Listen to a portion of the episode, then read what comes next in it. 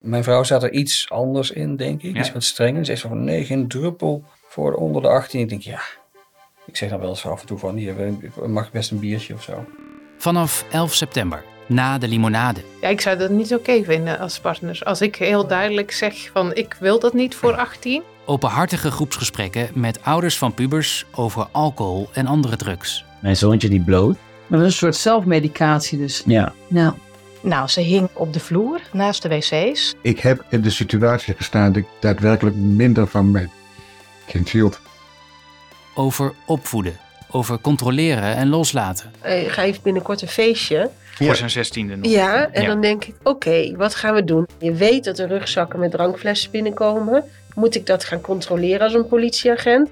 Met tips van een vaste expert. Je bent wel de ouder, dus je mag wel ook eh, Je bemoeien. af en toe. Ja, ik bedoel, dat, dat is ook je, de rol die je te spelen hebt. Na de limonade. Precies Ja. 730. Na 732. De nieuwe podcast van het Trimbos Instituut. Gemaakt door mij, Maarten Dallinga. Mijn meiden zeiden tegen mij, je hebt te weinig met ons erover gesproken. Oh, echt? Luister vanaf 11 september via je podcast-app of helderopvoeden.nl.